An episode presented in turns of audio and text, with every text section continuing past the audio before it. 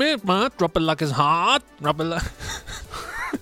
Ja, det blir sjelden så flaut som når jeg prøver å gjøre en Snoop Dogg-parodi, men det var den mest populære låta i 2004, og det er grunnen til at jeg begynte episoden med denne Drop It Like It's Hot. Um, velkommen til Sidequest. Det er alltid like gøy. Jeg elsker denne podkasten fordi vi bare får lov til å bade i nostalgi til masse deilige spill, og masse dårlige spill, uh, som vi fikk høre i 2003-episoden med Sebastian Brunestad, da vi gikk gjennom det deilige spillet uh, Big Rigs. Um, I dag så har jeg vært så heldig at jeg har fått med meg rett og slett Bjørn Magnus Midthaug. Velkommen! Takk for det, og hallo. Der er du. Der er du, her er jeg. Der er jeg. Eh, Du sier hallo. Det er jo et vanlig ord man bruker når man starter en samtale. Det er det. Jeg vet ikke hva et etymologien til ordet 'hallo' er. Det kunne jeg sikkert finne ut hvis jeg virkelig ville, men øhm, vi kan Nå skal jeg fortelle deg noe spennende. Jeg har allerede reklamert for denne podkasten i denne podkasten, men til høsten så kommer det en podkast som heter Smartere på ti minutter, fra Ja. NRK. Uh, som jeg er produsent for. Og der ja. er faktisk Selda Ekiz programleder, og en episode handler om ordet 'hallo'! Du verden. Er ikke det helt sjukt? Det, det er faktisk ganske sjukt. For en sammenheng.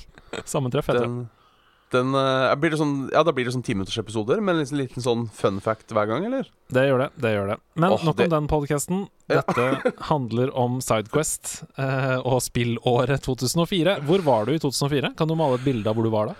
Uh, 2004. Da må jeg bare tenke litt sånn kjapt. Eh, da gikk jeg vel på ungdomsskolen, tror jeg. Hallingby ungdomsskole. Eh, da var jeg Ja, Ja, gud, hva gjorde man på ungdomsskolen, da? Ehm, Nei, det er, Sikkert sånn, bare- eh, det er sånne vage år for meg òg, ass. Ja. Uh, mest sannsynlig bare eh, gama og spilte gitar. Og eh, tenkte ikke så mye over tingenes tilstand uh, verken i verden eller i livet, vil jeg tro. Nei. Det er jo helt perfekt at eh, 2004 står igjen eh, som et år hvor du gama mye, siden det er det eneste vi skal snakke om uh, i Ja. dag. 2004 er eh, ofte, når man eh, går gjennom sånn, um, de beste spillårene gjennom tidene, så nevnes ofte 2004 som et år. Så jeg tror vi bare må sette i gang, ja, for det er så mange deilige titler vi kan snakke om her. Ja. Um, og aller først ut så kommer et spill som jeg vet at du i hvert fall har, Du har i hvert fall et forhold til uh, de originale spillene. Men om du har et forhold til denne lille perlen som kom uh, 2. mars 2004, det gjenstår å se. Jeg snakker om Ninja Guiden.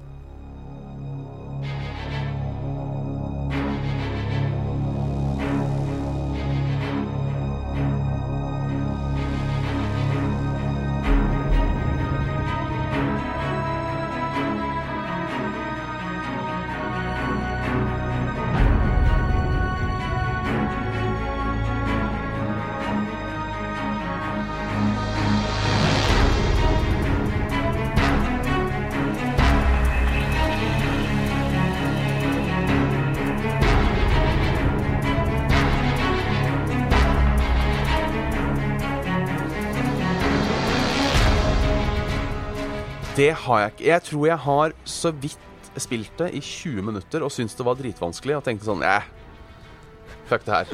Mener jeg husker. Ja, for kan ikke du, Det kommer jo til PlayStation 3 og Xbox og Vita. Kan ikke du fortelle litt om Ninja Guiden-serien? For det vet jeg du har spilt. Ja, det er jo hvem er som, Nå har jeg glemt hvem som har laga den, men det er jo han eh, Hva er det han heter, da? Tomonobu Itagaki. Ja, det er han hovedninjaen heter? Å ja, nei. Det er Nei, director og producer heter. Å ja. Jeg tenkte Er det Hayabusa han heter? Eller noe sånt noe? Ja Vent litt, da. La meg scrolle litt nedover denne artikkelen her. Um, Hayabusa, ja. Ryu Hayabusa. Ja. Som er ute etter å ta folk. Nå husk, vet jeg, husker ikke storyen i de, i de første spillene. Det er noen som er kidnappa, og så er det en eller annen fyr som har tatt dem.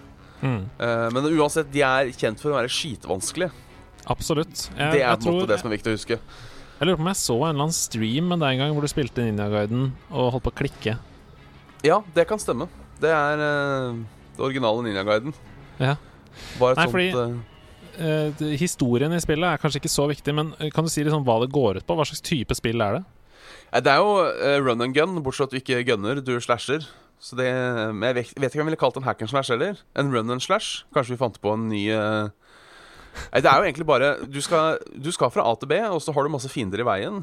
eh, og de fiendene dreper deg, og hvis de dreper deg, så bouncer du fram og tilbake. For det er sånn god, god gammeldags spill hvor du har sånn derre damage eh, Hva heter det for noe?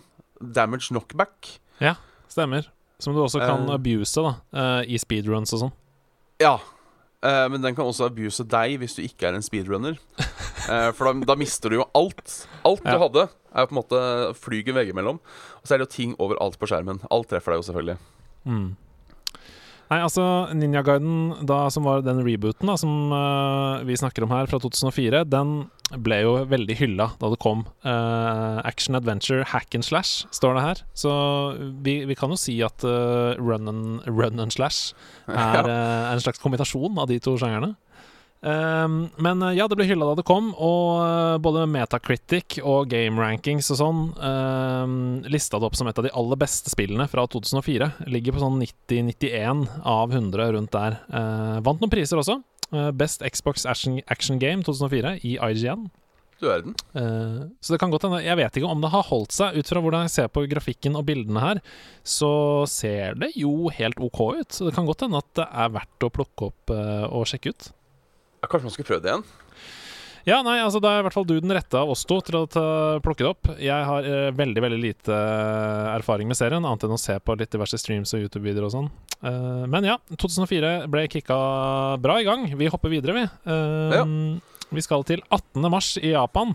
Det kommer altså et utrolig merkelig spill. Det tar det japanske markedet med storm. Så mye med storm at det også kommer faktisk over dammen til USA eh, 21.9. Jeg snakker om Katamari Damasi.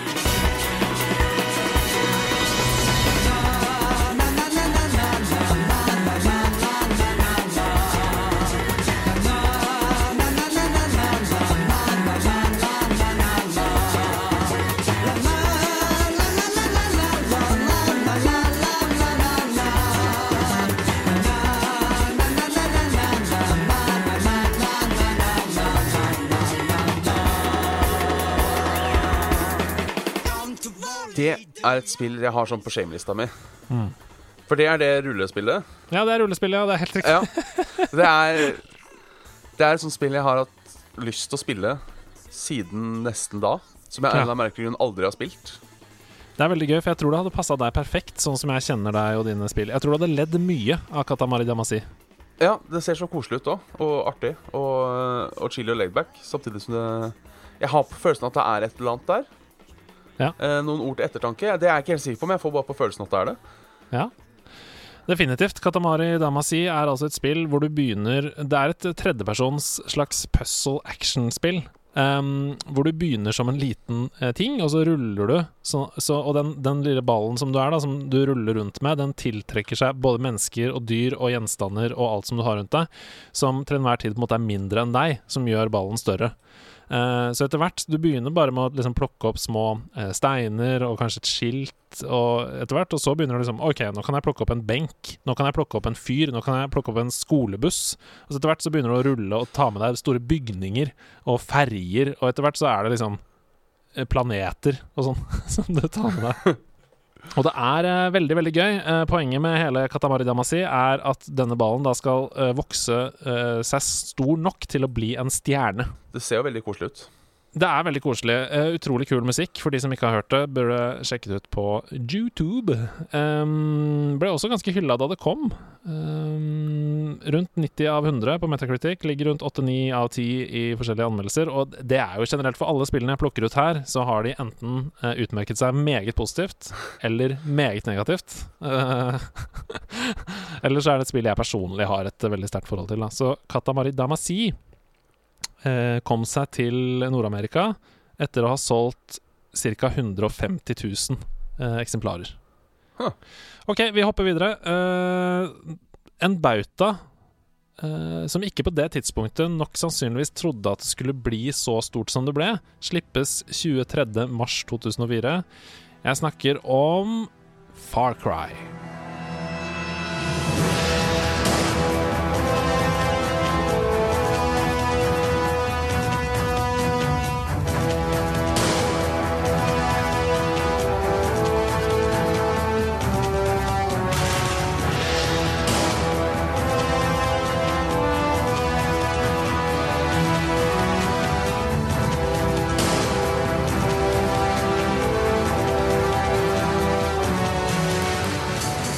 Cry. Faru Krayuru. Far Cry. Det husker jeg Eh, Det er også et eh, spill jeg spilte som jeg ikke eh, runda. Rett og slett fordi det var et eller annet som ikke satt Det var et eller annet ikke som satt helt riktig med det, syns jeg. Mm. Jeg vet ikke helt hva det var. Nei. Men jeg husker jo husker at det så jo helt fantastisk ut. Mm. Du, du var jo på en tropisk øy. Det var kanskje litt av selling point òg. Hvor, hvor bra det så ut. Ja, definitivt. Eh, Det var jo um, Det er et open world uh, skytespill à la GTA, på en måte. Bare at du er Ja. på en øy og skal uh, fighte deg gjennom da som Jack Carver. uh, Ex-Special Forces Soldier. Han leter etter en journalist som selvfølgelig da har um, gått AWOL på denne øya. Ja, og, er, og på den øya så er det, så er det slemminger, for å si det sånn. Ja, ja, den er stappa med slemminger. Og det som er gøy med Far Cry-serien, er at de alltid har vært så flinke på eh, ikoniske skurker.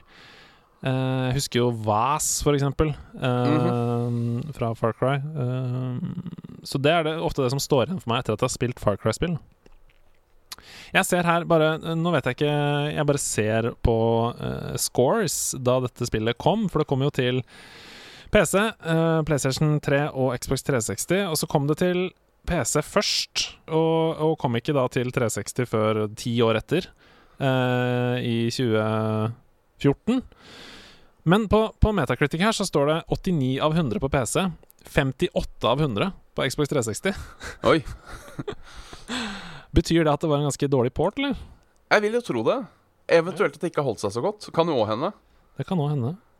Jeg husker, altså Det som er gøy med denne, denne serien, er at man ser jo disse gamle spillene med de gamle øynene. Så jeg husker at da jeg eh, så Far Cry for første gang, så tenkte jeg wow! Dette er jo helt, det er noe helt nytt!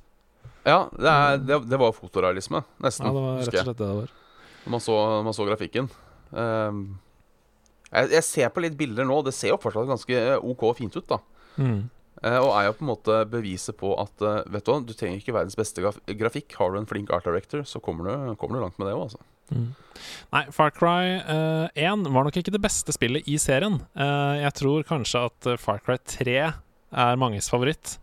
Uh, men som i, i Sidequest så prøver vi å ta opp det første spillet i serien, hvis vi kan, med mindre de andre spillene i serien også har utmerket seg veldig, da. Ja. Fordi det er jo tross alt eneren som gjorde at vi fikk nummer tre. Hvis ikke det hadde vært for Far Cry 1, så hadde vi aldri fått Far Cry 3 heller. Det er sant. Og med det i bakhodet så hopper vi bare litt tid framover til 4. mai 2004. Eh, vi skal til Den ville vesten. Eh, vi skal til Rockstar. Og vi skal til Red Dead Revolver.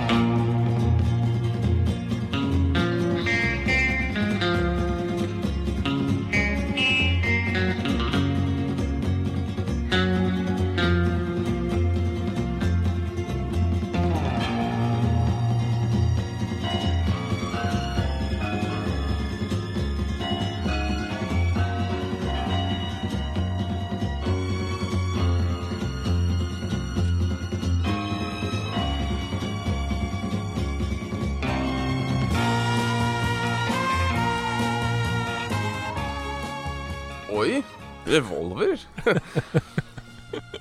Likte du, likte du effektene på stemmen der? Litt Nysgjerrig på slutten? Litt Ja, litt sånn nysgjerrig. Altså, ja, var Red Dead Redemption så gammelt? Nei! Revolver? Ja. Ja, det, det, det var et sånt spill jeg ikke fant ut at det var noe før etter Red Dead Redemption. Helt samme her. Jeg har nøyaktig den samme historien. Eh, Red Dead Redemption var det første Jeg trodde det var det første i serien. Ja, Eh, og på Det mange måter så er det jo egentlig det, fordi Red Dead Revolver ligner ingenting, uh, nesten, da, på Red Dead Redemption 1. Det er ganske store forskjeller, ass, på de to spillene. ja jeg har ikke spilt engang, jeg. Så jeg Nei, altså Hvis du har spilt eh, Call of Juarez-spillene, Det har jeg. for eksempel Gunslinger Veldig bra, veldig bra spill. Uh, Det- det Call of Juarez Gunslinger. Overraskende bra. Red Dead Revolver ligner mer på det. Det er um, Det er levels eh, som du går gjennom, og det er ikke den open world-greia som Red Dead Redemption har. Nei. Eh, og så er det jo eh, Det er jo dårlig. Altså, det er jo eh, Nei, eller det er ikke dårlig, men det er litt sånn eh, litt shitty kontroller. Litt sånn Det halter, på en måte. Ja. Litt sånn på halv tolv, kan man si. Ja, litt på halv tolv. Det som uh, mange um, hyller det for, det er historien. Eh, og det er jo Det lover jo Det sier jo noe om hva som skulle komme senere. Ja, ja det kan man si. For uh, jeg vet jo at det har vært en del Altså Red Dead Redemption 1, og også til dels 2, blir jo hylla for fantastiske historier. Litt clunky gameplay uh, til tider. Ja, av og til. Men historien er jo enestående hver eneste gang. Så ja, Red Dead Revolver der, altså. Um, vi må bare hoppe videre, for det er mange titler og mye å ta seg til. Jeg er litt sånn spent på om du har spilt dette. Um, og det er kanskje ikke et av historiens beste spill, men jeg har uh, varme minner til det, og jeg vet at mange andre på internett også har det. Um, jeg snakker om Open World Action Adventure-spillet Spiderman 2.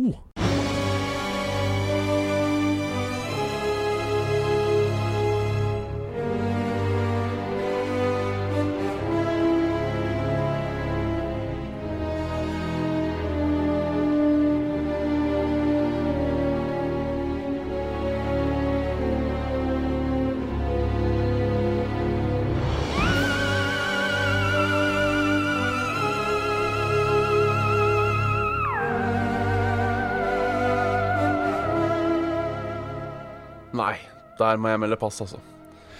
Ja, for. Spiderman 2, ja, Spider 2 det kom til alt som var. Altså Det kom til Game Advance, GameCube, PC, PS2, Xbox.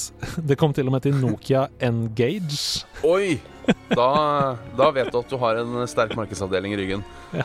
Eh, Og Mac og Nintendo DS og PSP og ja, det som var. Um, men jeg spilte Spiderman 2 mye hos min kompis Christian. Um, det ligger rundt sånn åtte av ti på Xbox og PS2-versjonene, og så går det gradvis nedover eh, jo på hvilke andre versjoner du får det på. hvor ligger Engage? Seks Ja, seks av ti på Engage.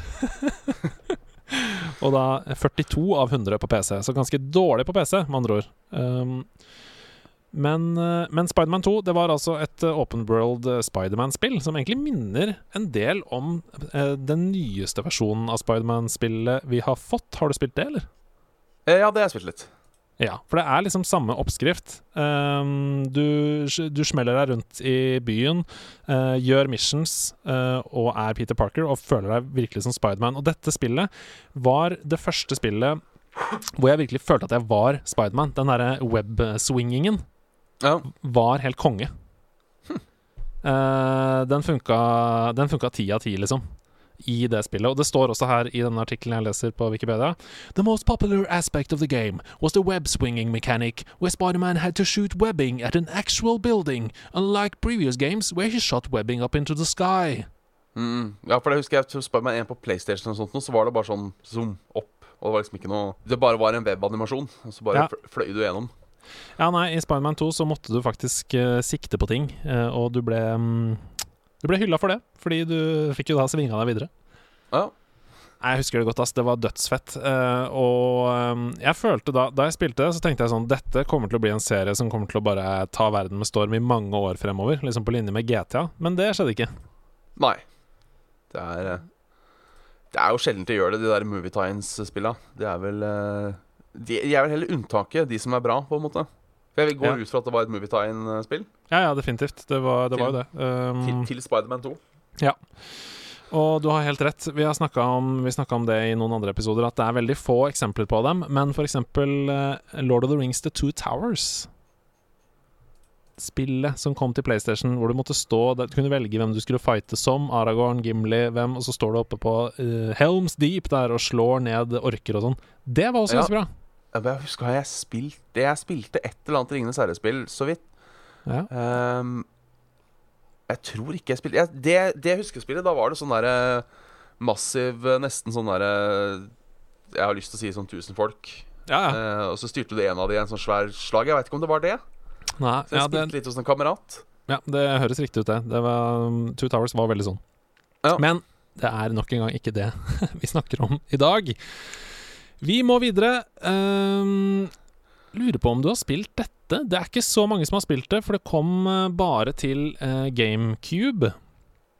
Men uh, fy fela, så bra det er. Uh, og det passer bra å snakke om det nå, for det kommer jo vi er, det kommer en oppfølger rett rundt hjørnet. Oi. Jeg snakker om Paper Mario The Thousand Year Door.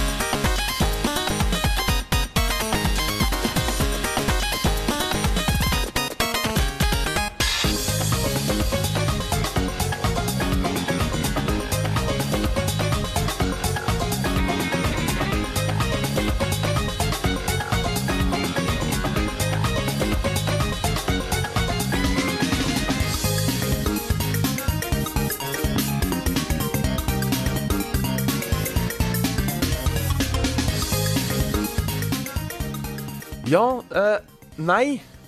Jeg tror jeg ikke spilte det. Jeg har spilt noen eh, Jeg har spilt noen Paper Mario-spill, men jeg lurer på om jeg spilte et på Wii som ikke var verdens beste. Eh, Ja, det kan stemme. Men eh, jeg husker ikke helt hva det heter. Nei, la meg ta en liten uh, Du kan nynne på en hyggelig låt mens jeg eh, Da er vi tilbake her, eh, og du snakker selvfølgelig om Super Paper Mario, som kom i 2007. Det gjør jeg nok, ja. Det kan stemme. Ja. Det passer godt med Wien. Ja, og det var også det første Mario-spillet som ble sluppet på Wii, så det er ikke så rart hvis du hadde det. Nei, jeg tror Nei. Jeg husker ikke om jeg hadde det, men jeg lånte det. Men eh, jeg spilte det i hvert fall. Minns jeg. Paper Mario Thousand Year Door har jo veldig sånn unik stil. Ja. Um, det er jo den klassiske Paper Mario-stilen hvor alt er papirtynt. Um, det som var kult med Thousand Year Door, var at det var første gang det på en måte miksa 3D og 2D uh, på en sånn ordentlig måte. da um, Ja. Jeg føler litt sånn at du kunne snu og sånt, var det ikke det? Jo, jo, jo. Sånn at Ja. karakterene bare «Wow!» Så ser du baksiden av det papirtynne arket. Det er veldig gøy. Um, og så er det jo sånn at eh, Paper Mario-spillene har litt sånn rare locations og litt sånn rare historier og sånn. Um, det vi så i den nyeste gameplay-traileren av det kommende Paper Mario-spillet, var jo at Peach var slem, og at Mario hopper opp i det der skipet til Bowser fra Super Mario World, den siste derre eggeskipet hans, Ja. og flyr ut av eh, slottet for å rømme fra Peach. Oi. Og det er litt gøy, at eh, Paper Mario snur eh, universet litt på hodet. Det, det det, må det være et eller annet som har skjedd. For sånn skal det ikke være. Sånn skal det Det ikke være. må- Det må være noe som ligger til grunn. Paper Mario kom 22. juli eh, 2004. Og eh, er jo da et RPG, eh, hvor man eh, spiller turn-based. Sånn som Super Mario RPG, egentlig. Eh, Ja. Og Final Fantasy-serien. Har du noe forhold til sånn Altså den turn-based-systemene i Mario-universet, eller? Nei, egentlig ikke annet enn litt Paper Mario. da Jeg har jo alltid vært eh, den som ikke har vært sånn superfan av eh, den eh, JRPG Eller J... Jeg er jo alltid usikker på om jeg skal si JRPG eller om jeg skal si JRPG. Mm. Um, stylen har liksom aldri helt truffet meg. Spilt litt Final Fantasy og sånne ting, men um, Jeg har alltid vært Nei, jeg har alltid syntes det har vært bedre å ha hatt eh, Fight Fight, på en måte. Ja, er det fordi du liksom foretrekker eh, mer fast-paced combat, eller? At det liksom Du orker ikke å vente? Jeg tror det er det. Jeg tror egentlig det som har vært uh, problemet mitt med, med, med JRP... JR, uh, det er vanskelig å si uten at det stokker seg. JRPG Ja. uh, er eh, egentlig kanskje mest at det har vært så mye tekst. At det er det som har vært hovedtingen. Det er så Mm. mye tekst, det er så mye lesing. Ja, jeg skjønner eh, for, for, for sånn turn-based combat kan jo være artig. Ja, jeg digger det, så du preacher ikke to the choir her når du sier at du syns det er dritt. Nei, um, så kanskje ikke combaten er dritt, men uh, jeg har aldri vært en fan av lesing i spill. Det har liksom alltid vært sånn uh, Jeg vet ikke. Da, da tar jeg heller en bok. Da tar jeg heller en bok hvis jeg vil sitte og, og lese en time. Ja, Jeg skjønner hva du mener. Det er jo sånn at uh, når man spiller ganske Når man spiller gamle RPG-spill, f.eks. Final Fantasy 7, som mange sikkert har plukka opp etter at de har spilt gjennom remaken, så merker Ja. man jo sånn Ja, ja, stemmer det! Det var sånn TV-spill var før. ja. Alt tar så sinnssykt mye lengre tid! ja, for det husker jeg spilte. Og det var liksom eh, Jeg husker mye av tida jeg brukte var på en måte å, å komme meg unna cutscenes og sånne ting. Hvis det var Hvis det var for en bossfight, da, så var det jo gjerne eh, Ikke sant, så var det jo gjerne da eh, fem minutter dialog før bossfighten. Mm. Og selvfølgelig var dialogen etter savepointet. Og selvfølgelig var bossen dritvanskelig, så du måtte jo da klikke deg gjennom den jævla Ja. menyen ti ganger på rad. Det Det, stemmer. jeg sånn, det, var, det var sånn som breaka meg. Bare, åh, kom igjen, da. Kom igjen. Kom Jeg har hørt denne historien nå. Jeg trenger ikke denne ekstremt liksom dramatiske introen en gang til. Nei. Ok, uh, vi må videre til 14.9.2004. Og grunnen til at jeg har tatt med dette spillet, er fordi det var grov tjenesteforsømmelse av meg å ikke ta med det første spillet i serien uh, i en tidligere episode av Sidequest. Jeg snakker om Sly 2, Band of Thieves.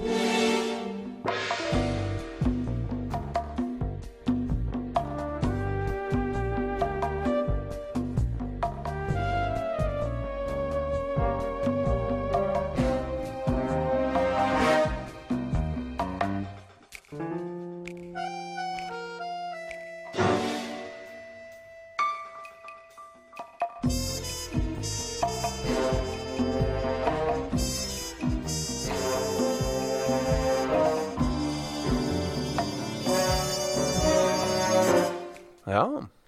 Har du spilt noen av Sly-spillene i det hele tatt? Det er også en sånn serie som har gått meg hus forbi, eh, som er litt rart. Fordi eh, jeg er jo generelt veldig glad i plattformer og 3D-plattformer og sånne ting. Mm. Um, så jeg tror rett og slett vi kan legge skylda på at jeg var en eh, Xbox-gutt på det tidspunktet. Mm. Det er vel det som gjør det. Det er vel det som gjør det. Jeg, uh, Sly kom til PlayStation 2, uh, senere i HD-remake til PlayStation 3 og Vita. Eh, og det er jo, som du sier, et plattformspill, men det som er kult med Sly, det er at der hvor f.eks. Crash Bandicoot er bare å plattforme seg gjennom en bane, så hadde Sly-serien en del sånn stealth-elementer som de andre spillene ikke hadde. Um, Hvor du må, du må keep in the shadows og, og stealthe deg gjennom. Han er jo en mestertyv, denne Sly. Ja. Uh, jeg liker at jeg kasta ballen til deg på mestertyv, denne Sly, og så var jeg Det er ingenting du kunne ta opp. Han er jo slu som en rev. Så Det som var nytt i Sly 2, var at du også kunne spille som andre karakterer. Du kunne spille blant annet som Bentley og Murray. Um, og Bentley hadde mer sånn herre uh, cloak and dagger, som det står her. Uh, approach. Um, så han kunne ikke klatre, kunne ikke hoppe så veldig langt, men han hadde liksom en crossbow som kunne skyte sånn pil med sovemiddel på. eh, Ja. Fra avstand. Så han, han var mer sånn herre Skyte pil. Wow. Dodge seg vekk. Være i skyggene. Mens Murray er selvfølgelig da den rake motsetningen, sånn som det ofte er i TV-spill. Han er bare en brutal fyr som eh, gønner på uh, og hopper inn i mengder med fiender og slår løs. Kanskje mer sånn uh, Svendsen-type, eller? ja, kanskje det. Er ikke han, liker ikke han å spille Reinhardt og sånn i Overwatch? Han er litt, litt, litt mer ha, ha, hard på det, på en måte. Ja. Skal inn, skal gjøre jobben. Skal gjøre det godt. Det er på en måte Det er sånn det gjøres. Det er sånn det gjøres. Sly-serien var kjempebra serie, og de oppussa versjonene, hvis du har mulighet til å spille dem, så bare hopp eh, inn i det. Det er utrolig gode spill. Um, Vi går videre. Vi har kommet til 22. september. Det er altså Jeg må bare si det. Spillhøsten 2004 er helt utrolig bra. Og hvis vi skal begynne med liksom 1. september og ta ut året derfra, så er det ja, det kommer bare um, tittel på tittel på tittel som har på en måte forma historien. Så jeg, jeg, jeg er veldig um, jeg, jeg skjønner ikke hvordan vi fikk tid til å spille alle disse spillene. Og sannsynligvis gjorde vi ikke det. Uh, sannsynligvis så spredde vi det utover mange år. Ja. Uh, Men 22.9. så kommer det et strategispill til PC. Spilte du mye PC på denne tiden? Ja, jeg husker ikke. Det var eh, Jeg hadde Jeg kjøpte meg selvfølgelig uh, gaming-PC for konfirmasjonspenga.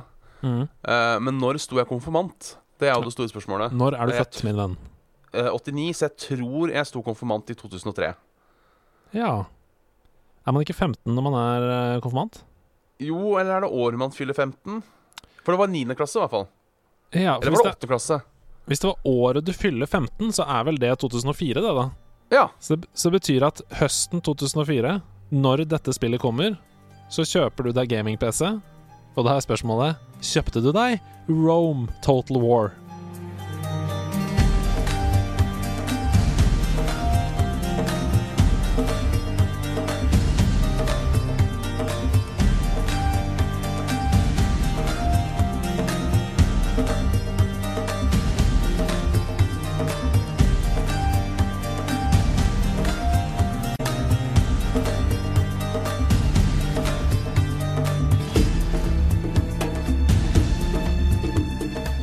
Nei. Uh, men jeg husker jeg Jeg husker, uh, eh, hvis det er lov og det er foreldelsesfrist på det her Jeg husker jeg hadde en piratkopi som jeg ikke fikk til å funke. Hei! Så intensjonene mine var å spille det. For det hadde jeg da sikkert en kamerat som spilte og syntes var fett. Så dette må du prøve, på en måte. Ja, fordi um, Rome Total War Det var jo et strategispill på linje med Age of Empires, f.eks. Ja.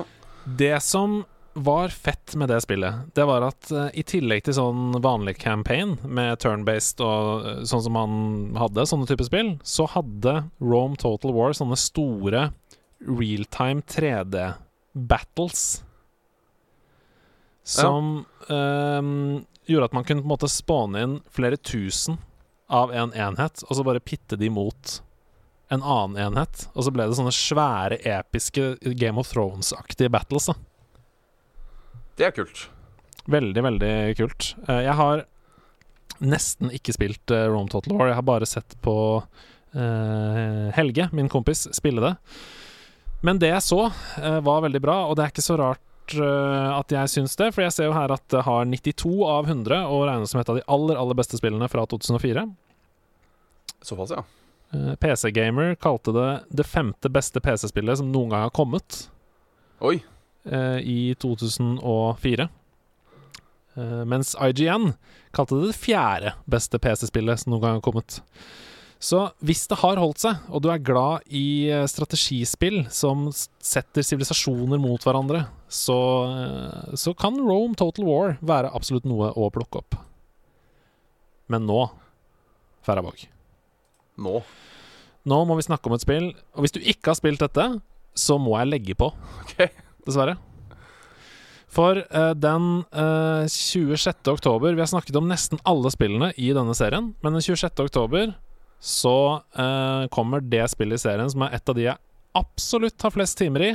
Jeg snakker om Grand Theft Auto San Andreas.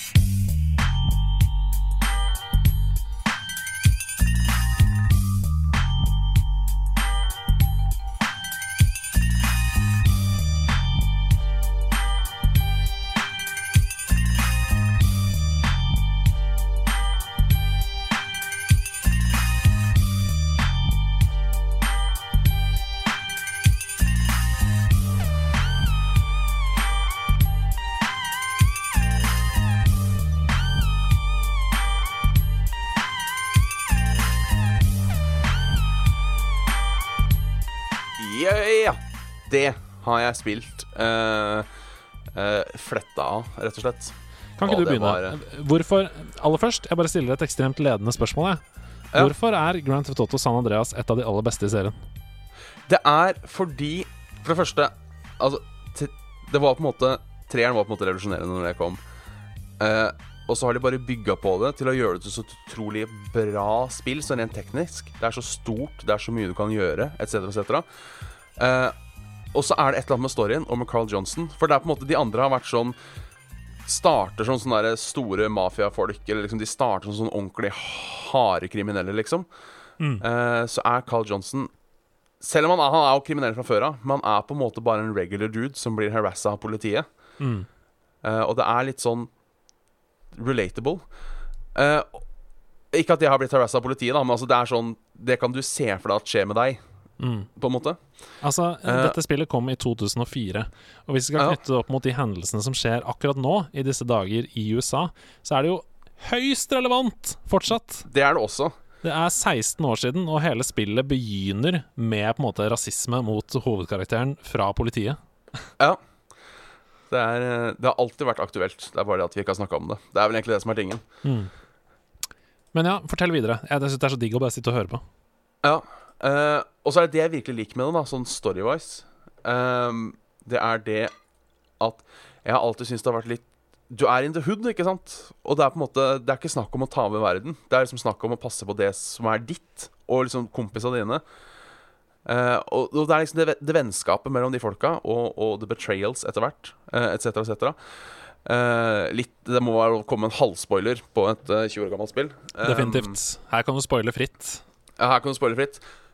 Fuck smoke, ass. Jævla rasshøl. Jævla rasshøl! Åh, og det var Nå husker man fant ut det. Men det er altså Og det er så utrolig gode karakterer. Mm. Uh, og jeg syns at Officer Tenpenny, som da er han politimannen som uh, blant annet uh, eh, harasser deg i starten, Mm. og som på en måte tvinger deg, tvinger deg ut i litt, eh, litt ting, er en så utrolig bra karakter, Mm. syns jeg.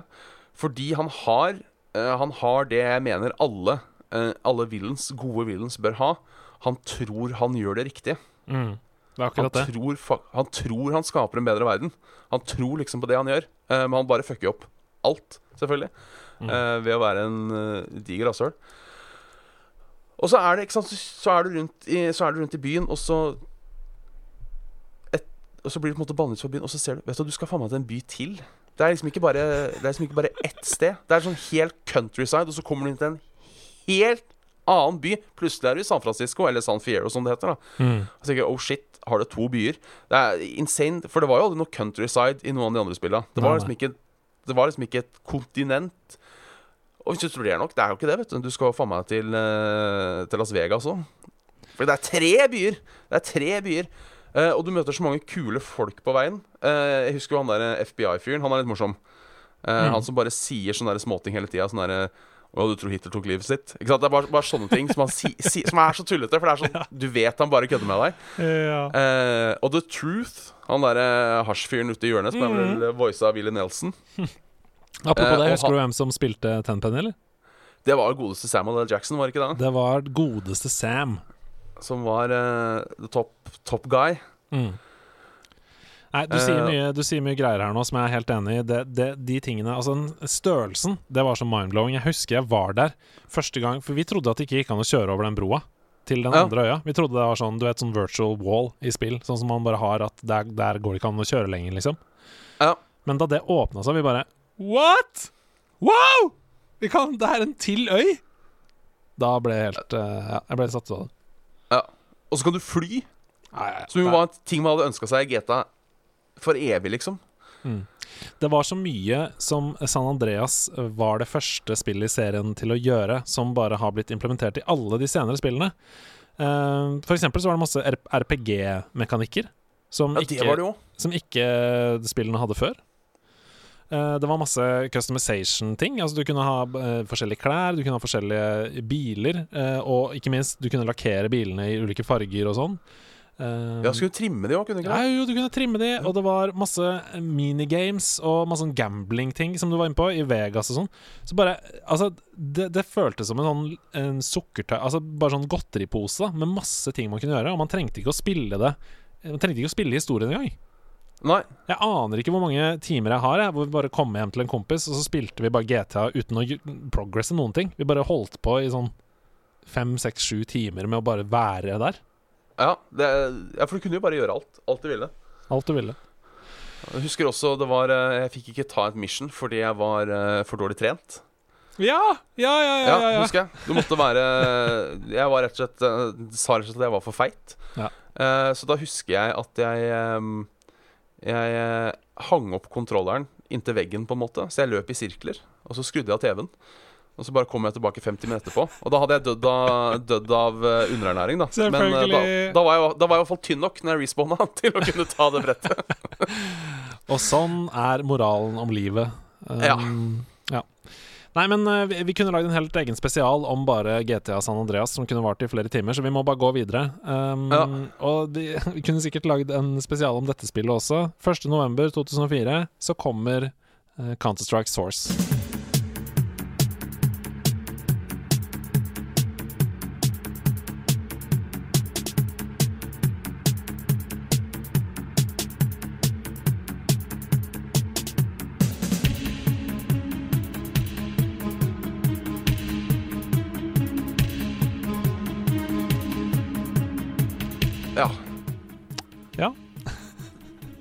Da, Du- innen da var jeg ikke helt på, uh, på Counter-Strike. Uh, jeg kom litt sent inn i den. Ja. uh, Men du har spilt husker- Source. det, jeg, jeg har spilt Source. Jeg husker ikke når jeg spilte det. Mm. Hvis det gir mening.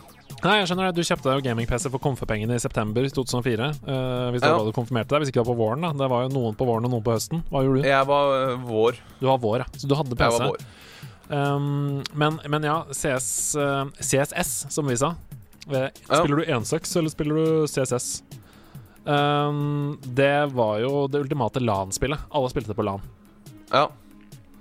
Um, hva, har du noen uh, sterke minner fra Counter-Strike Source? Jeg husker noen slitne laptoper.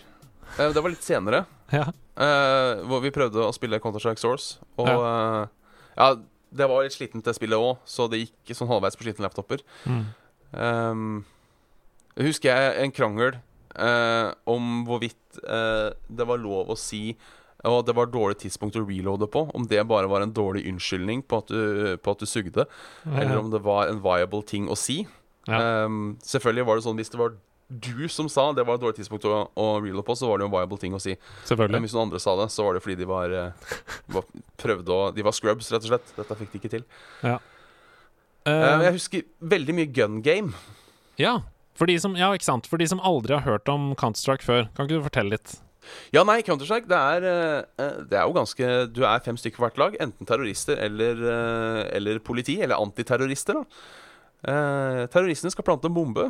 Eh, eller terroristene kan vinne ved å drepe hele motstanderlaget eller plante en bombe, som da sprenger. Antiterroristsida kan vinne med at eh, A. Desarmerer bomba. B. Hindre de fra plantebomba. Eller C. Uh, utslette fiendeteamet. Uh, og så er det vel førstemann til så og så mange poeng. Jeg husker ikke om det var introdusert i Source eller ikke. Eller om det da bare gikk. Om de hadde helt naila den der competitive formen på en måte som egen game mode, eller om du måtte gjøre det sjøl. Det husker jeg ikke. Nei, det husker ikke jeg heller. Det, jeg, jeg leser at det fikk litt kritikk for, um, av, av competitive community, som eh, sier her at um, skill-taket til, uh, til Source var, uh, som det står her, significantly lower uh, fra 1.6. Ja, Så derfor, derfor så var det mange som fortsatte å spille 1.6 ganske lenge. Fordi de mente det var vanskeligere. Men det er jo som du sier der, den, den oppskriften som du snakker om nå, er jo veldig enkel. Men så enkel, så enkel å komme inn i, så vanskelig å mestre. Ja, for der er det mye, mye metagaming ute og går. Eh, om Mm. hvor folk er hen, og hvor folk går.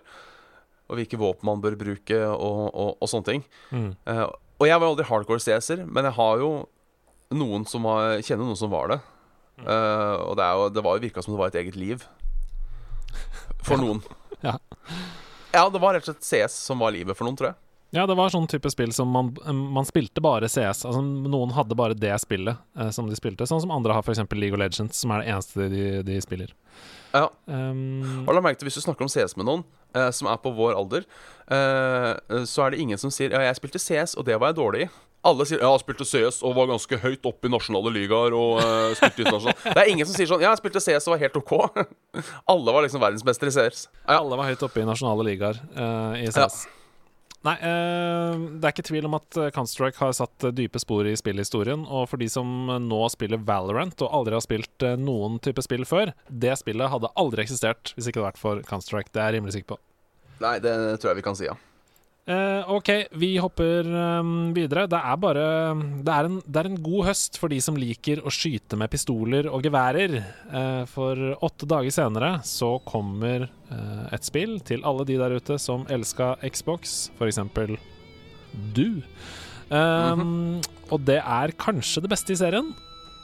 Du får si ifra hvis du er uenig. Jeg snakker om Halo 2.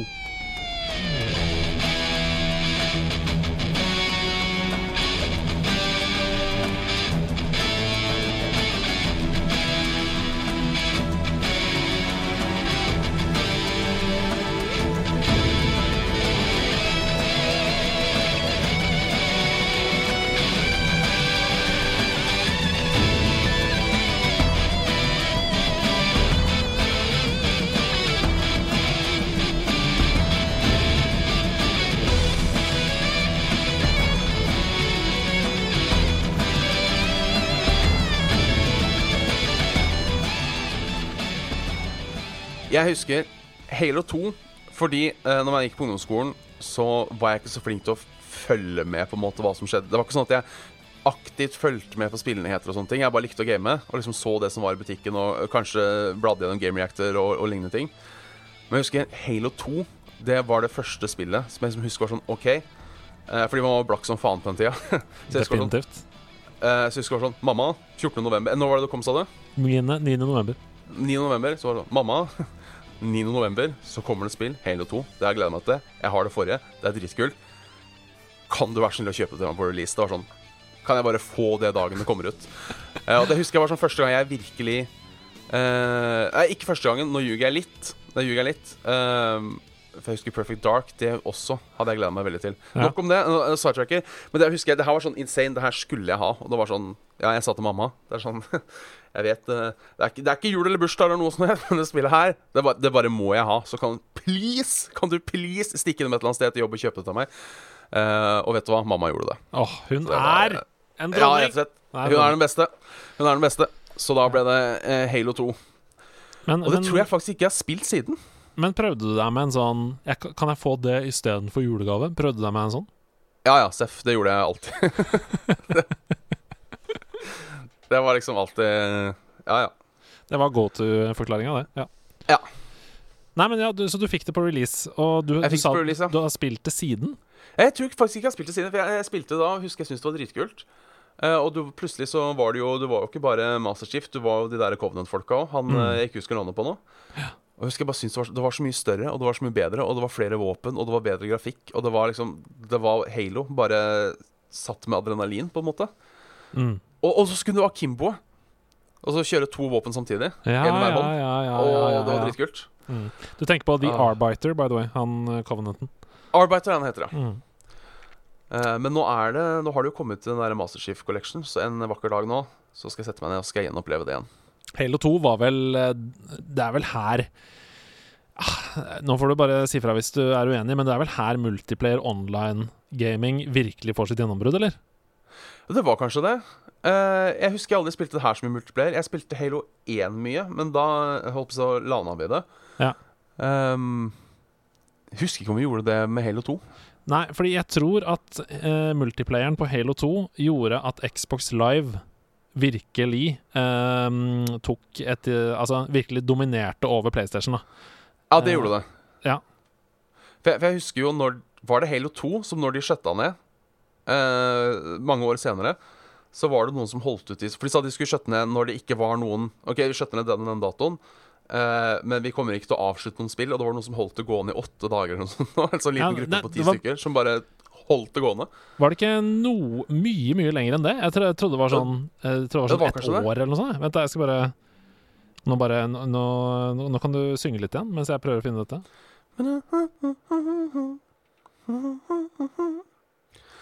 OK,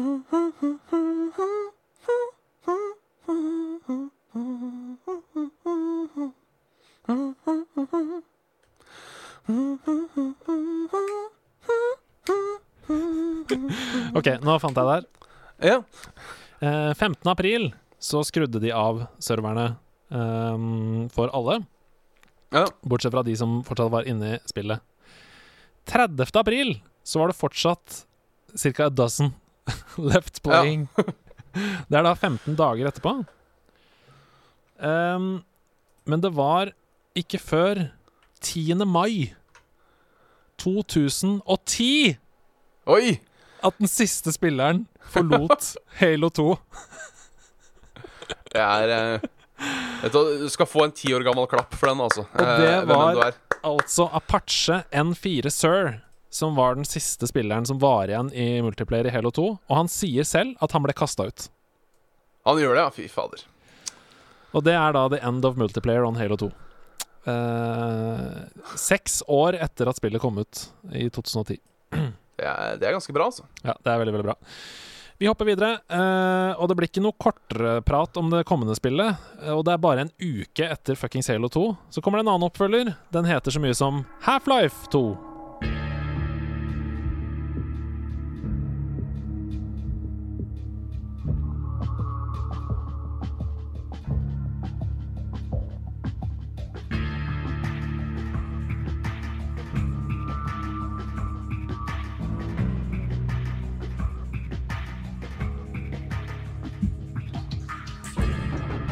Half-Life 2. Altså, det er en høst, eh, dette her. Det er, det er, det er en høst. eh, En, en høst for å huske. Eh, jeg må jo nå Dette har jeg sagt mange ganger før, og hver gang så blir jeg flama herfra til I hvert fall opp til Finse. Mm. Jeg har alltid syntes at Half-Life har vært et oppskrytt. Oi, spennende. Men Dette er gøy. Ja. Fortell hvorfor. Hvorfor syns du det? Jeg vet ikke. Jeg bare syns det er så kjedelig. Du syns det er så kjedelig. Jeg syns det er så kjedelig. Det er eh, Jeg tror det har noe med eh, Av samme grunn som jeg på en måte eh, nå kommer jeg til å høres litt psykopat ut, men spill som starter med mennesker, at du skal skyte mennesker, og så går ut til at du skal skyte monster, har jeg alltid syntes har vært litt sånn eh. Å ja, fordi folk. det er et steg ned? Eller? Det er et steg ned, det er et steg ned for meg. Fordi det er liksom alltid, eh, alltid mye gøyere å, eh, eh, å- å fighte mot folk, har jeg syntes. Men jeg tror det er fordi Half-Life 2 starter så utrolig kult. Du er liksom i den byen, og det er sånn der 1984-stemning, og alle er, alle er liksom trykt ned, og du har de combine-solderne som går rundt i gata, og liksom det er så kult. Mm. Uh, men liksom, i den gang du kommer ut av byen, så vet jeg ikke. Syns jeg bare det ble litt sånn yeah, Jeg likte starten mye bedre. Ja. ja, Så OK. jeg, på en måte, Jeg hører hva du sier. Og- så tar det kanskje seg litt opp på slutten igjen. Når du liksom kommer opp i det Det er år og dager siden jeg spilte, men når du skal liksom opp i det tårnet, og du har han der G-man som prater til deg, og litt sånne ting, eh, så tar det seg liksom litt opp igjen. Mm. Um, men ja, nei, jeg bare syns liksom mellom, mye av den mellombiten Syns jeg bare var så tom og kjedelig, på en måte. Men det høres jo ut litt som om du kanskje var litt sånn hipster-kid som syns at um, det tok seg selv litt for seriøst, eller? Det vet jeg ikke, for jeg vet ikke om jeg hadde det begrepet på den tida. Uh, å ta seg selv for seriøst. Uh, Nei, men jeg bare Ja, mener sånn Fordi Half-Life 1 var jo uh, på mange måter et uh, mesterverk, uh, og de visste jo det da de skulle lage Half-Life 2, så det er jo uh, sekvenser i det spillet som, uh, som er veldig uh, Altså, man, man får følelsen av at dette er viktig. Dette er veldig viktig, det jeg holder på med nå. ja, det er kanskje det. det er, nå er det så lenge siden jeg har spilt det, at eh, det er en sånn liten eh, det, ligger et sted langt bak i hjernen der, Ja. uh, men har på en måte ikke festa seg så godt, da. Nei, det var et uh, mesterverk da det kom. Det har 96 av 100 på metakritikk, og trekkes uh, stadig frem som uh, the best game ever made blant fantastene, da. Ja. Som også er grunnen til at det har vært da denne evige memen om Half-Life 3, eh, som man ønsker å um, få, men som vi aldri kommer til å få. Det kan jeg si, det kan jeg si ganske sikkert. Ja, det er, vel, det er vel ganske sikkert nå. Nå har vel halvparten slutta å gjøre andre ting og uh, Ja da, og manus er jo sluppet og Ja. Det står til og med her at Det visste jeg faktisk ikke. Episode 3 was scheduled for release by Christmas 2007, but was not released. Jeg visste ikke det, at det hadde faktisk en releasedato. Nei, det hadde Det veit ikke om jeg fikk meg heller. Nei, uh, mulig den kilden her er litt svak på Wikipedia, men, uh, men det står i hvert fall at det var scheduled for release. Det kan godt hende at den datoen ikke var offentlig, Det kan men uh, in internt så var det da meningen at det skulle komme i desember 2007. Ja, for det er, det er jo vits med at Valve ikke kan lage treere. Ja. Du venta, jo- liksom på uh, tie-in til Portal, og uh, Jeg hadde også en god del teorier om hvordan det her hele tie-in til Left 4 Dead. Mm. Men eh, det ble aldri noe Det ble aldri noe av det. Det gjorde ikke det. Uh, Half-Life 2 eh, Fantastisk spill. Jeg vet ikke om det holdt seg så bra. Jeg spilte det første gang i Orange Box, altså, som kom i 2007. Denne utrolige samlingen av fantastiske spill. Um, Ja, Det var, det var boksen sin, det. Det var boksen sin, ass. Herregud. Uh, men 2004 var jo ikke over, fordi Er det sant? Nå må jeg bare være helt sikker på at jeg ikke sier noe feil her. Jo, dagen etter Half-Life 2 Dagen etter Half-Life 2! 17. november så kommer Metal Gear Solid 3.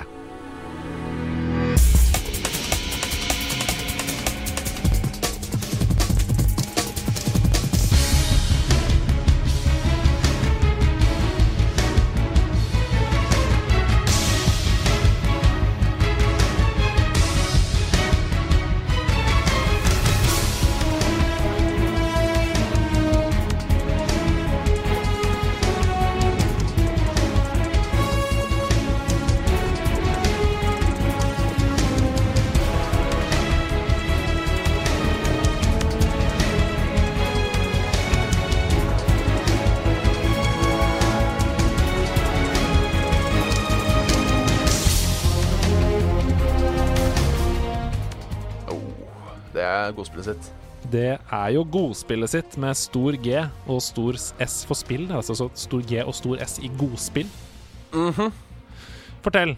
Hvor, hva, hvilke forhold har du til Metal Gear Solid 3?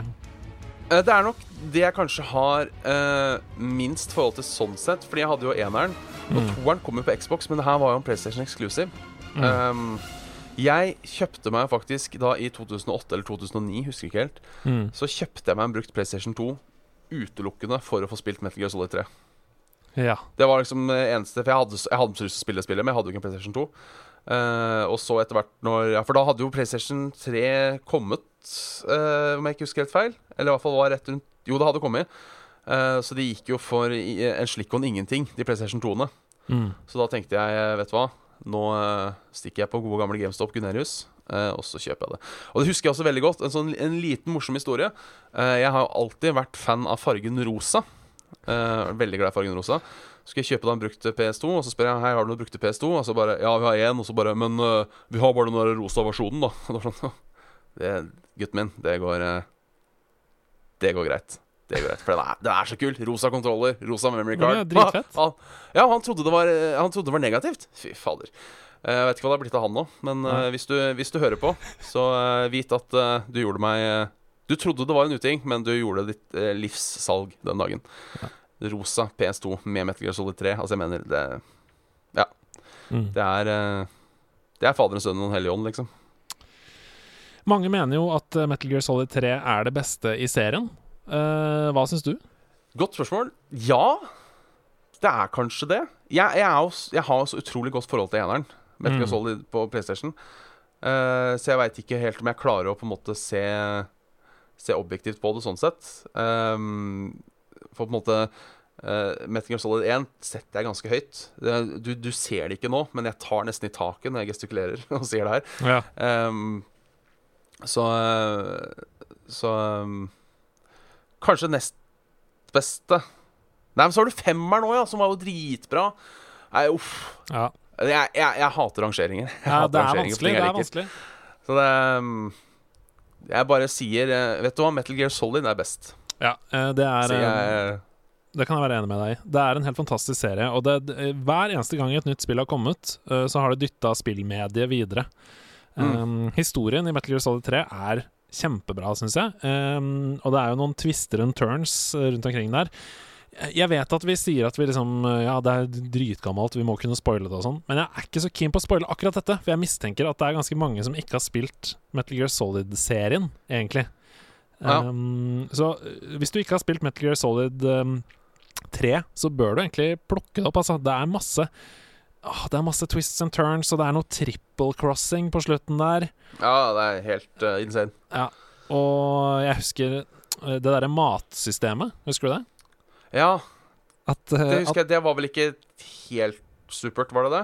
Nei, Jeg syns jo det var gøy at man, man eh, Hvis man var sulten, så kunne fiendene høre at det, Ja. det, det, at det eh, kom sånn her fra magen din. så du kunne bli avslørt fordi du var sulten. ja. Eh, Det syns jeg var gøy. Og så mm, måtte du da plukke med deg mat som du hadde i sekken. Og hvis den ble råtten fordi du hadde den i sekken for lenge, eh, Eh, så kunne du da få eh, magetrøbbel, rett og slett. Ja, for du kunne spise slanger og sånn òg, kunne du ikke? Jo, jo, jo, jo, jo, jo, jo, jo. jo. Eh, spillet heter jo Snake Eater, men det er ikke det det handler om, på en måte. Det hadde jo vært Nei, men jeg husker Og bossfightene i det spillet ja, Jesus er Christ. helt uh, beyond, this, uh, beyond this world. Ja, og de er jo Han eh, Kojima eh, jobba spesielt med bossfightene i dette spillet. Vi kunne snakka om det for evig. Vi må gå videre. Vi har, vi har holdt på nesten en time allerede. Eh, det, og det er to ting igjen på lista mi som jeg må prate om. Og det første, det er jo helt insane, da. Det kommer 23.11. i Nord-Amerika. Det spilles fortsatt av Det er et av de mest populære spillene i verden. Dette er 16 år siden. Jeg snakker om World of Warcraft.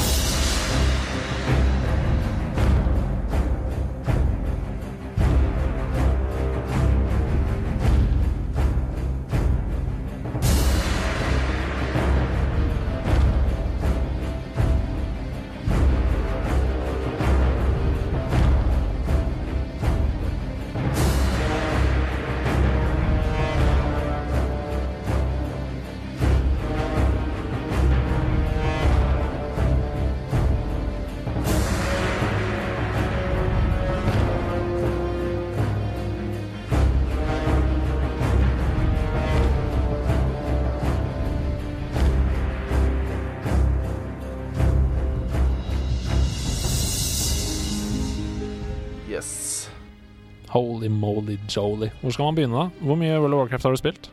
Ikke så altfor mye.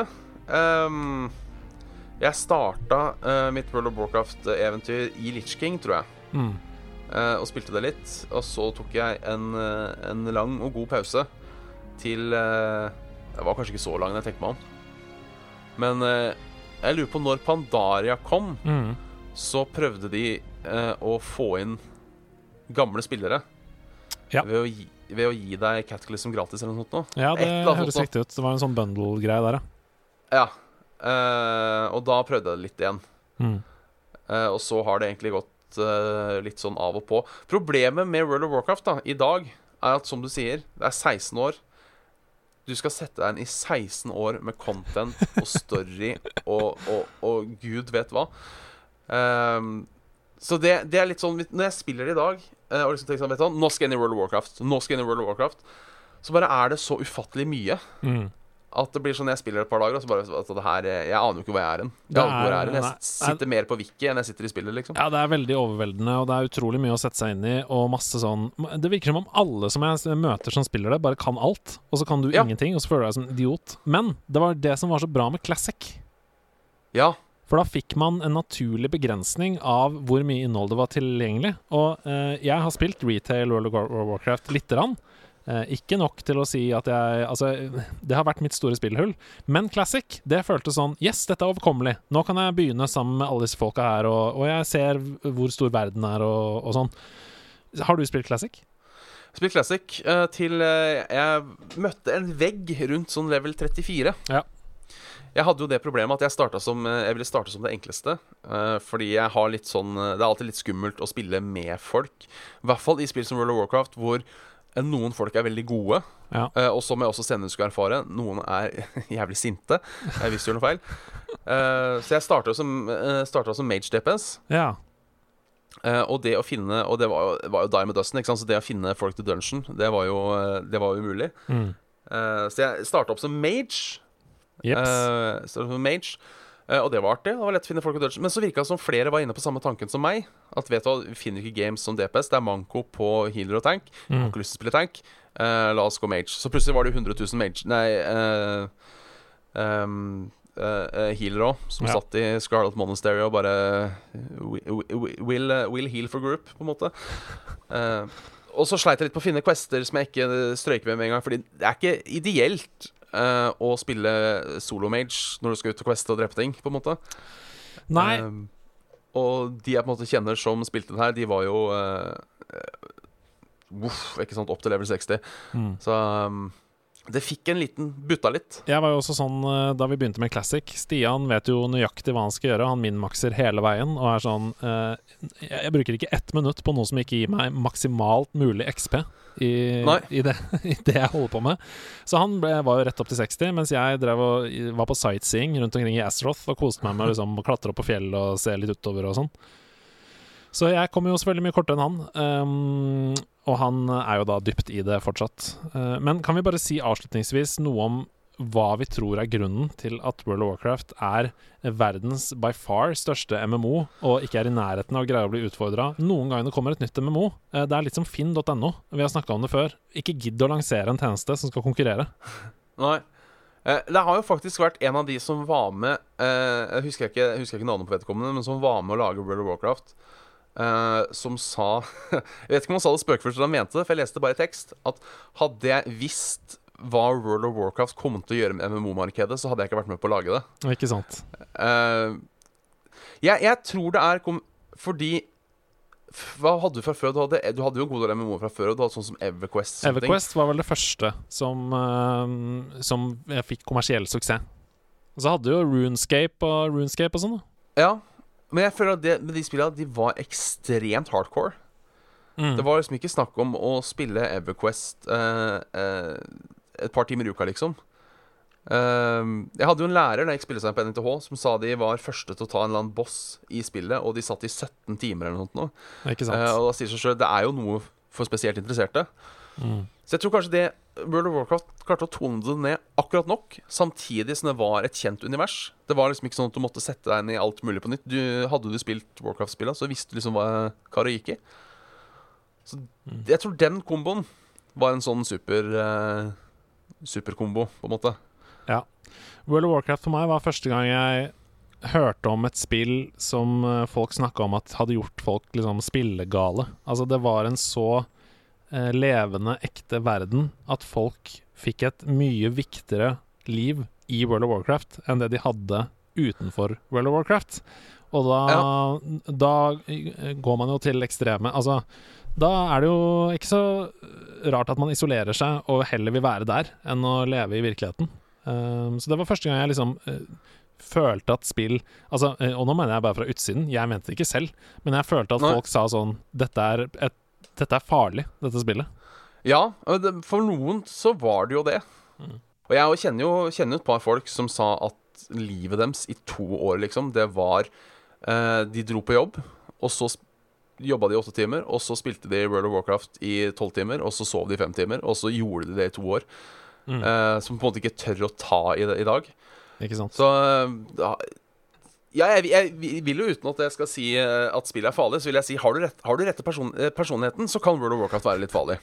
Rett og Men, slett. For det er eh, Det er ikke det vi skal slutte med å snakke om World of Warcraft om. Fordi det er eh, Altså Grunnen til at eh, folk eh, spiller det så mye og lever seg inn i det så mye, er jo fordi det er et helt insane bra MMO. Altså Det er jo by far, mener jeg, da det beste MMO jeg har spilt. Ja, og så er det jo en, en, en verden som bare er så levende. Ja. Det er liksom, det er liksom ikke en Det er ikke en NPC i det spillet som liksom ikke har en historie. Nei. Det er liksom Ja, det er uh... Jeg syns det er fantastisk at det lever fortsatt. Og Ja, det er det. Shadowlands, Shadowlands er jo nå på vei ut, og, og kommer nå i Q4 i 2020. Vi skal avslutte denne eh, lange podkasten om 2004 med en liten deilig ting som slippes eh, Som bare er en mod, som slippes på julaften. Eh, og så tar det to år før den slippes offisielt av Valve. Jeg snakker om Garys mod. Ja, Har du spilt noe særlig Garys mod? det har jeg. Fortell. Ikke sånn supermasse, men eh, Nei, jeg drev litt på sånn RP-servere på Ja. Garys Mod. Um, som var på en måte min introduksjon til det. Eh, hvor det var Ja, egentlig Hvis man har kjennskap til uh, RP Det er jo folk som driver med, med rollespilling i GTA Online for tida, Mhm. eh, har jeg sett. Hvor du kan velge å være kriminell eller være politi eller, eller være sånne ting. Det er my mye det samme. Du får en eller annen rolle, uh, eller tar en eller annen rolle, eh, og så følger du den. Og så var, husker jeg det var Det var veldig masse sånne regler du Mm. måtte følge. Var du politi, som jeg var, liksom, så var det ikke Du kunne ikke bare gå inn et sted. Du måtte ha en mistanke, og du måtte liksom søke politimesteren om ransakelsesordre og masse sånne ting. Mm. Uh, og det, det var mye dødtid og mye kjedelig, men når det virkelig funka, så er det noe av de kuleste tinga jeg har vært borti gaming, Ja. uh, har vært i det spillet. Ja, for Garys mod, uh, i utgangspunktet så er jo Garys mod bare et verktøy. Det er jo Ja, det, er- ikke et spill. det er jo spill. Lego sand, sandkasse. Det er akkurat det det er. mer eller mindre. Eh, I på en måte basespillet så har du ikke noe objectives. Du har bare muligheten til å spåne forskjellige NPC-er, forskjellige props, forskjellige ting. Um, ja, så du kan bygge hva du vil, lage hva du vil. Så Derfor så er det jo lagd eh, fantastiske spill og ting i det verktøyet, da, på en måte. Ja, jeg husker jeg prøvde å lage noen filmer, for det var også en ting. Eh, folk som laga skits og sånn i Gareth Mode. Eh, jeg husker jeg gjorde, gjorde det litt. Um, men det var også sånn Når jeg tenkte folk som lagde store ting i det, liksom, Mm. så var det sånn Fy fader, for en dedikasjon. Ja, altså det er uh, Makinima, eller Maskinima, eller hvordan man uttaler det. Uh, Ja, det var, de var store på det der. Lagde jo helt vanvittig mye greier i uh, Ja. Garys mod. Det, jeg vet, det er fortsatt aktivt, ut ifra det jeg har hørt. Ja, det har solgt over ti millioner eksemplarer. Ja. Uh, så det er åpenbart uh, var åpenbart en suksess, og en veldig fin måte å avslutte denne podkasten om 2004 på. Det begynte uh, så lineært med snevre Red Dead Revolver, og ender opp i da åpne, åpne Garys mod. Um, tusen takk for at du ville være med meg og prate om 2004, Biabbegutt. Kjempehyggelig å få lov til å være med uh, Hedemann-gutt. Det funka ikke like. Hede, hedegutt. Hedegutten! Hede, Hedegutten. Hedegutten! Det ble lenger enn jeg hadde trodd, men det er ikke så rart, for 2004 er et av de virkelig fantastiske spillårene. Jeg må nok en gang, disclaimer, beklage hvis jeg har glemt eh, noe som du hadde et spesielt sterkt forhold til. Uh, jeg kan ikke ta med alt, da varer det i mange timer. Men Tusen takk for at du støtter oss her inne på Patron. Tusen takk for at du hører på uh, podkasten. Vi snakkes igjen om en uke. Si ha det, da, Ferravåg. Ha det, Færøyvåg.